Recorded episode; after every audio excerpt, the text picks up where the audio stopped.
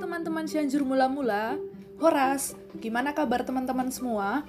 Kembali lagi para pendengar bersama saya Junita Solin dalam episode 3 podcast Cianjur mula-mula. Nah, di episode ketiga ini kita akan melihat bagaimana masyarakat Batak Toba dulu melakukan pengelompokan tumbuhan berdasarkan perawakannya atau berdasarkan kenampakannya dari luar. Nah, sebelum kita berbicara lebih jauh, saya akan memberikan satu pertanyaan kuis kepada teman-teman. Menurut teman-teman, tanaman apakah yang biasanya digunakan sebagai penaung di kebun kopi? Nah, kita kan tahu bahwa di daerah Toba sana itu banyak kebun kopi. Nah, pohon-pohon apakah yang biasanya digunakan sebagai penaung? Nah, boleh teman-teman simpan dulu kalau sudah tahu jawabannya. Nanti di akhir akan saya cross-check.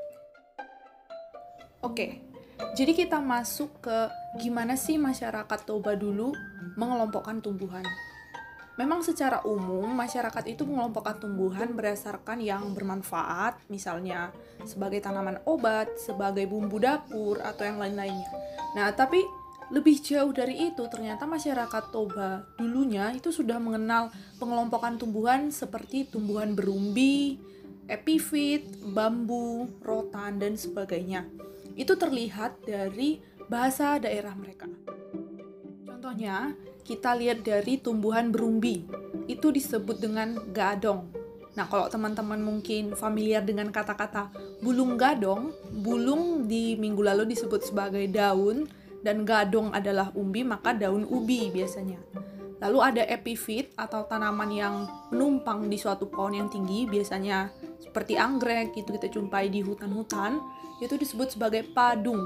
Lalu ada juga bambu, itu disebut sebagai bulu, rotan, hotang, nepenthes, taur-taur, tumbuhan merambat itu andor. Nah, andor ini sering digunakan sebagai pakan ternak ya untuk babi gitu. Dan terakhir pohon itu hau. Hampir sama dengan batang di minggu lalu itu disebut sebagai hau juga. Oh ya, sebagai tambahan, tadi kan saya menyebutkan Nepenthes. Nepenthes itu merupakan tanaman yang sifatnya karnivor. Kalau kita belajar biologi, karnivor itu kan memakan daging gitu ya. Nah, tumbuhan itu juga ada ya, bukan memakan daging sih, tapi dia memakan uh, serangga biasanya. Nah, itu misalnya seperti kantong semar, um, tumbuhan Venus gitu, itu termasuk Nepenthes. Dan bisa kita lihat di hutan-hutan Sumatera biasanya ini dijumpai, makanya di dalam bahasa daerah orang Batak pun ada namanya sebagai tahur-tahur. Nah, gitu teman-teman tentang pengelompokan tumbuhan berdasarkan perawakannya. Sebelum kita menutup episode ini, tadi ada pertanyaan kuis, tanaman apakah atau pohon apa yang biasa digunakan penaung kebun kopi? Nah, itu adalah ingul atau kayu ingul. Nah, ingul ini terkenal sebagai bahan kerajinan, bisa dipakai untuk perkakas, bahan bangunan, dan bahkan daunnya bisa dimanfaatkan sebagai pestisida alami. Nah, untuk di kebun-kebun kopi, pohon ingul ini digunakan sebagai penaung. Artinya posisinya lebih tinggi sehingga daun-daunnya yang lebar itu bisa menutupi ke, uh, tanaman kopi yang ada di. Sekian dulu kebersamaan kita di hari ini.